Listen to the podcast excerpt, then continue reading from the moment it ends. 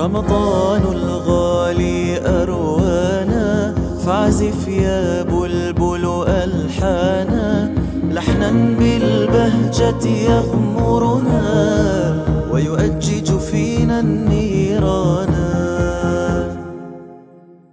السلام عليكم ورحمة الله وبركاته. أهلا ومرحبا بكم في هذا البرنامج الطيب على هذه الصفحة المباركة أخلص النوايا لله تبارك وتعالى. بسم الله والحمد لله وصلى الله وسلم على رسول الله. باب ما جاء في الاستغفار. روى النسائي في عمل اليوم والليلة عن أبي موسى رضي الله عنه أنه قال قال رسول الله صلى الله عليه وسلم إني لأستغفر الله عز وجل وأتوب إليه في اليوم مئة مرة. النبي عليه الصلاة والسلام مع علو شأنه وقدره فهو سيد السادات سيد العالمين كان يستغفر في اليوم مئة مرة. هذا بالإضافة إلى غيرها من الأوراد. فانظروا أحبابي كم مهم أن يواظب الواحد منا على الاستغفار. وهذا اللفظ من النبي عليه الصلاة والسلام لا يعني أنه وقع في ذنب مئة مرة حاشا فإن النبي صلى الله عليه وسلم وإخوانه الأنبياء معصومون من الكفر ومن الكبائر ومن صغائر الخسة قبل النبوة وبعدها. قد يقع نبي من الأنبياء في معصية صغيرة ما فيها خسه ولا دناءة ولا سفاهة لكن يتوب منها فورا. إنما هذا اللفظ ليس دائما يكون لطلب محو الذنب. كلمة الاستغفار أحيانا تأتي لمحو الذنب يعني أن يطلب من الله أن يمحو ذنبه وأحيانا تأتي لرفعة الدرجة أو لمحو أثر قبيح. كما نقول إذا صلينا على طفل ميت نقول اللهم لا تحرمنا أجره ولا تفتنا بعده واغفر لنا وله مع أنه غير مكلف. هنا لا يعني أن عليه ذنوبا وإنما لمحو الآثار القبيحة التي هي دون الذنوب. وروى أبو داود والترمذي وغيرهما عن ابن عمر رضي الله عنهما أنه قال كنا لنعد لرسول الله صلى الله عليه وسلم في المجلس يقول رب اغفر لي وارحمني وتب علي إنك أنت التواب بقدر مئة مرة. انظروا إلى هذا اللفظ. فيه وتب علي. فإذا استعمال لفظ التوبة على ما ذكرت لكم.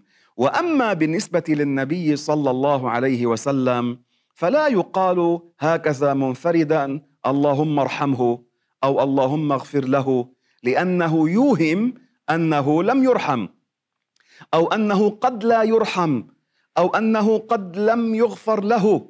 فلذلك قال العلماء لا تقال هكذا منفردة وإنما يقال مثلا الصلوات والبركات والرحمات عليك يا رسول الله هذا جائز لا بأس. هذا السياق لا يوهم ما يوهم إفراد الله يرحمه عن النبي صلى الله عليه وسلم. وروى النسائي في عمل اليوم والليلة والطبراني عن الأغر رضي الله عنه أنه قال قال رسول الله صلى الله عليه وسلم أيها الناس توبوا إلى ربكم فوالله إني لأتوب إلى ربي عز وجل في اليوم مئة مرة. الحث على التوبة أمر عظيم والتائب من الذنب كمن لا ذنب له. التائب هذا يحبه الله. الله يحب منا أن نتوب. والتوبة النصوح هو أن يقع الإنسان في ذنب ثم يرجع عن هذا الذنب بالتوبة ولا يعود إلى مثل هذا الذنب. هذا يقال له تاب توبة نصوحا هذا الذي يحبه الله تعالى منا. فلذلك النبي عليه الصلاة والسلام حث الصحابة على التوبة إلى الله. وأنا أذكر نفسي وأذكركم بحديث النبي عليه الصلاة والسلام حيث قال أتدرون من المفلس؟ قالوا من ليس معه دينار ولا درهم يا رسول الله. قال المفلس هو الذي يأتي يوم القيامة ومعه حسنات كالجبال ولكنه آذى هذا وظلم هذا وأكل مال هذا فيؤخذ من حسناته وتوضع للمظلومين. ماذا سماه الرسول عليه الصلاة والسلام؟ مفلسا. فإذا إياكم وأن تكونوا من المفلسين. الله يرحمنا. وروى البيهقي والحاكم عن ابن مسعود رضي الله عنه أنه قال قال رسول الله صلى الله عليه وسلم من قال أستغفر الله الذي لا إله إلا هو إلا هو الحي القيوم وأتوب إليه. ثلاثا غفرت ذنوبه وإن كان فارا من الزحف. الفرار من الزحف هذا أن يحضر في أرض المعركة ويهرب من صف القتال بلا عذر شرعي. هذا حرام. هذا يورث الوهن والجبن والخوف في قلوب من معه من المقاتلين. هذا من الكبائر.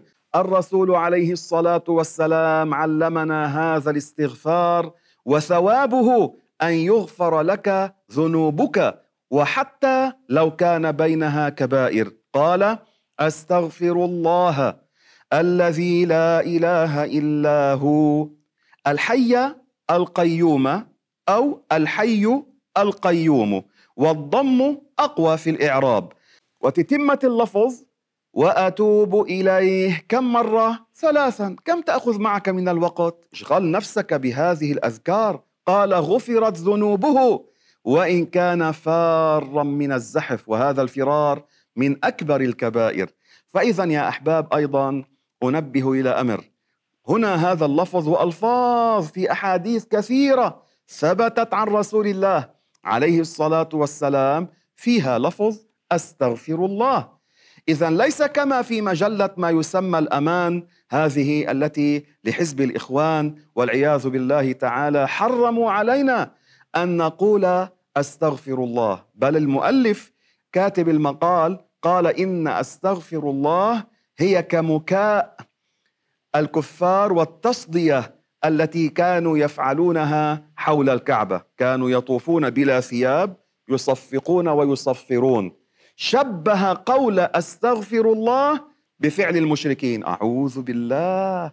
النبي كان يقول أستغفر الله وروى مسلم أن النبي عليه الصلاة والسلام كان يستغفر ثلاثا بعد صلاته. سئل الإمام الأوزاعي وهو من التابعين رضي الله عنه وأرضاه ماذا كان يقول عليه الصلاة والسلام؟ فقال أستغفر الله أستغفر الله. فإذا قول أستغفر الله معناه رب اغفر لي. هذا مثل هذا فلا بأس بها. وروى البخاري والنسائي في عمل اليوم والليلة وأحمد وغيرهم عن شداد بن أوس رضي الله عنه أنه قال قال رسول الله صلى الله عليه وسلم سيد الاستغفار. معناه هذا أعظم لفظ في الاستغفار. أن يقول العبد اللهم أنت ربي لا إله إلا أنت خلقتني وأنا عبدك وأنا على عهدك ووعدك ما استطعت. المرأة تقول وأنا أمتك. هذا اللفظ إن كان ذكرا يقول وأنا عبدك. أما المرأة تقول وأنا أمتك. نعم. اللهم أنت ربي لا إله إلا أنت. ولاحظتم حتى في الأذكار توحيد. يعلم النبي تنزيه الله. فالله مالك الملك. هذا معنى ربي. مالكني. لا إله إلا أنت. لا خالق إلا أنت يا الله. خلقتني وأنا عبدك. وأنا على عهدك ووعدك ما استطعت. أعوذ بك من شر ما صنعت. أبوء لك بنعمتك علي وأبوء لك بذنبي. فاغفر لي فإنه لا يغفر الذنوب إلا أنت. أبوء لك يعني أعترف. أنا أقر لك يا الله بنعمتك علي. ونعم الله لا نحصيها نعم الله لا تحصى. وأعظم نعمة يؤتاها العبد في الدنيا الإسلام. قال شيخنا رحمه الله من أعطي الإسلام وفقد الدنيا ما كأنه فقد شيئا. ومن أعطي الدنيا وفقد الإسلام هذا ما كأنه أعطي شيئا. الله يثبتني وإياكم على الإسلام.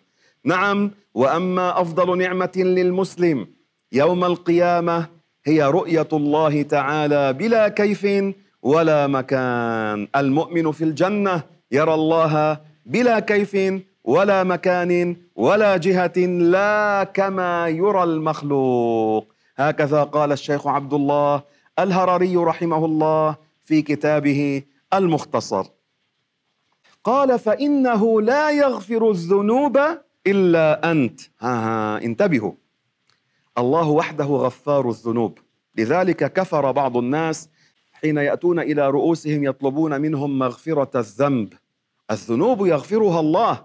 وأما الذي جاء في الحديث إذا ظلم المؤمن الكامل إذا ظلم فغفر. ما معنى فغفر؟ سامح. أنا أسامح من ظلمني هذا لي. أما محو الذنب هذا يكون لله. تبارك وتعالى فلا يغفر الذنوب إلا الله. هذا اللفظ يقال له سيد الاستغفار. قال عليه الصلاة والسلام ومن قالها من النهار موقنا بها مصدقا فمات من يومه قبل أن يمسي فهو من أهل الجنة. الله يدخلني الجنة وإياكم آمين. ومن قالها من الليل وهو موقن بها فمات قبل أن يصبح فهو من أهل الجنة. باب في فضل الصلاة على النبي صلى الله عليه وسلم. قال الله تعالى إن الله وملائكته يصلون على النبي. يا أيها الذين آمنوا صلوا عليه وسلموا تسليما. صلى الله عليك يا سيدي يا رسول الله. كلما سمعتم. اسم النبي عليه الصلاة والسلام صلوا عليه. هذا شيء عظيم بركاته عظيمة. والصلاة من الله على النبي عليه الصلاة والسلام تعظيم ورفعة. يعني نطلب من الله أن يعظم أن يزيد نبينا عظمة رفعة قدرا شرفا. وأما الصلاة من الملائكة دعاء يعني يطلبون من الله أن يزيد نبينا صلى الله عليه وسلم شرفا ورفعه وقدرا. ليس الصلاة من الله كما أنا أصلي. هكذا البعض يظن. لا الصلاة من الله على النبي ليس معناها هذا. هذا صفة المخلوق. واضح يا أحباب؟ هذا أمر عظيم. بيانه للإنسان الجديد أو الجاهل الذي قد يتوهم ما لا يليق بالله. روى الترمذي وأحمد والبيهقي وغيرهم عن أبي هريرة رضي الله عنه أنه قال قال رسول الله صلى الله عليه وسلم رغم أنف رجل ذكرت عنده فلم يصلي علي صلى الله عليه وسلم. إن كنت في مجلس وذكر النبي مرات صلى الله عليه وسلم حتى تخرج من الكراهة صل عليه ولو مرة وسلم عليه. أما إن خرجت من المجلس ولم تصل عليه ولم تسلم عليه وقعت في كراهة شديدة ليس حراما. الصلاة على النبي في بعض الحالات صلى الله عليه وسلم هي فرض مثل الصلاة بعد التشهد بعد التحيات. ماذا نقرأ؟ اللهم صل على محمد. هذا فرض ركن من أركان الصلاة. وكذلك الخطيب على المنبر. يقول الحمد لله والصلاة على محمد رسول الله. هذا فرض ركن من أركان الخطبتين. فإذا في حالات تكون الصلاة على النبي صلى الله عليه وسلم واجبة. وأما هنا نتكلم عن السنة. فمن ترك الصلاة على النبي صلى الله عليه وسلم هذا وقع في كراهة شديدة والنبي ماذا قال؟ رغم أنف رجل ذكرت عنده فلم يصل علي صلى الله عليه وسلم. يعني ما معنى رغم أنف فلان؟ اولا الرغام هو التراب. وضع أنفه في التراب هذا الأصل. أصل معناها في لغة العرب. لكن صارت العرب تقول هذه العبارة للتنبيه وليس مرادهم الدعاء عليه أو شتيمة. كذلك إذا قيل سكلتك أمك هذا في الأصل معناه أن تموت أنت وأمك تبكي عليك. في الأصل في لغة العرب معناها الدعاء على الشخص. صارت بعد ذلك تستعمل للتنبيه فليست دعاء. النبي استعملها. لكن لم يدعو على المسلم هكذا لأن الدعاء على المسلم بغير حق بما فيه ضرر أو أن يموت ليس لنا. فالنبي استعملها كعادة العرب. رغم أنف اي فاته خير كثير. فوت على نفسه خيرا عظيما. من ذكر النبي عنده ولم يصلي عليه صلى الله عليه وسلم.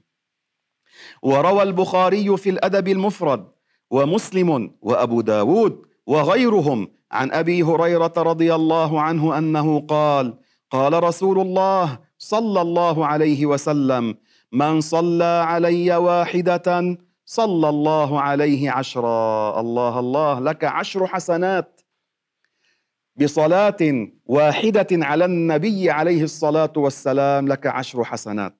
لكن انتبهوا لا بد أن يكون اللفظ صحيحا.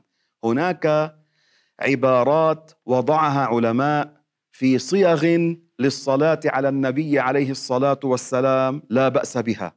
ولكن البعض انحرف فصاروا يذكرون عبارات تخالف ما كان عليه الرسول ولا يقبل به الرسول صلى الله عليه وسلم. يعني مثلا والعياذ بالله من الضلال والشرك وهذا فاسد يخرج من الدين. انتبهوا البعض يقول الصلاة على رسول الله عين ذاتك المرضية.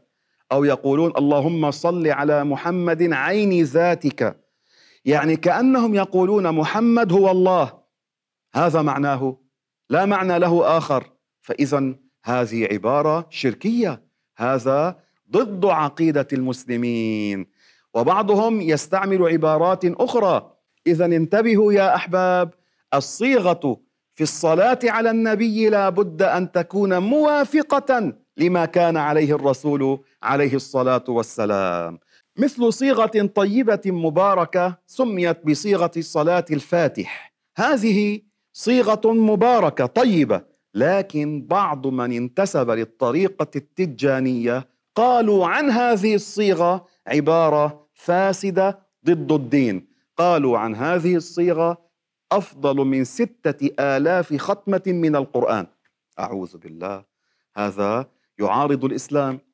أما الصيغة فلا بأس بها. اللهم صل على محمد الفاتح لما أغلق الخاتم لما سبق ناصر الحق بالحق إلى آخره. عبارات صحيحة ما فيها بأس. لكن اعتقاد بعضهم فيها هذا الذي يعارض الشرع. وروى أبو داود وأحمد والبيهقي عن أبي هريرة رضي الله عنه أن رسول الله صلى الله عليه وسلم قال ما من أحد يسلم علي إلا رد الله علي روحي حتى أرد عليه السلام. هذا معناه قد ردت روحي قبل ذلك. لماذا فسرها العلماء هكذا توفيقا بين هذه الرواية وبين حديث الأنبياء أحياء في قبورهم يصلون. هذا رواه الحافظ البيهقي والبزار وغيرهما. فاذا الأنبياء أحياء في قبورهم.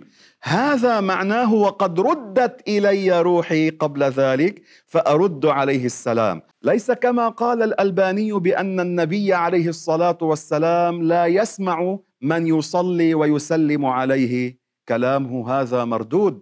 ماذا قال هو من الشبه؟ قال فإن الملائكة تبلغه.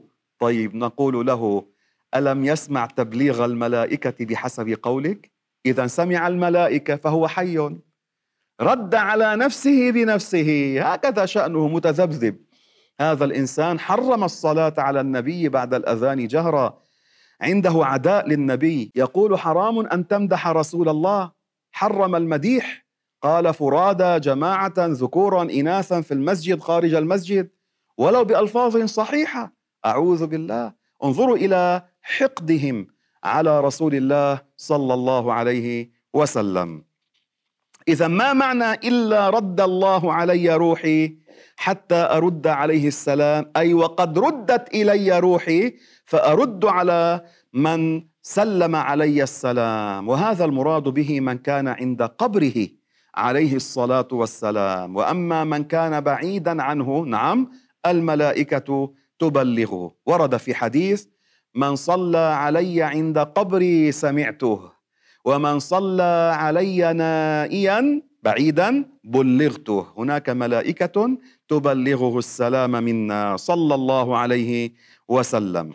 وروى النسائي وأحمد وابن حبان وغيرهم عن عبد الله بن مسعود رضي الله عنه أنه قال قال رسول الله صلى الله عليه وسلم إن لله ملائكة سياحين في الأرض يبلغوني عن أمتي السلام. معناه هناك ملائكة وظيفتهم ينقلون السلام إلى رسول الله صلى الله عليه وسلم. الملائكة لهم وظائف منها هذه الوظائف. وروى أبو داود والنسائي وابن ماجه عن أوس بن أوس رضي الله عنه أنه قال قال رسول الله صلى الله عليه وسلم إن من أفضل أيامكم يوم الجمعة فأكثروا علي من الصلاة فيه فإن صلاتكم معروضة علي. نعم يا أحباب يوم الجمعة أفضل أيام الأسبوع.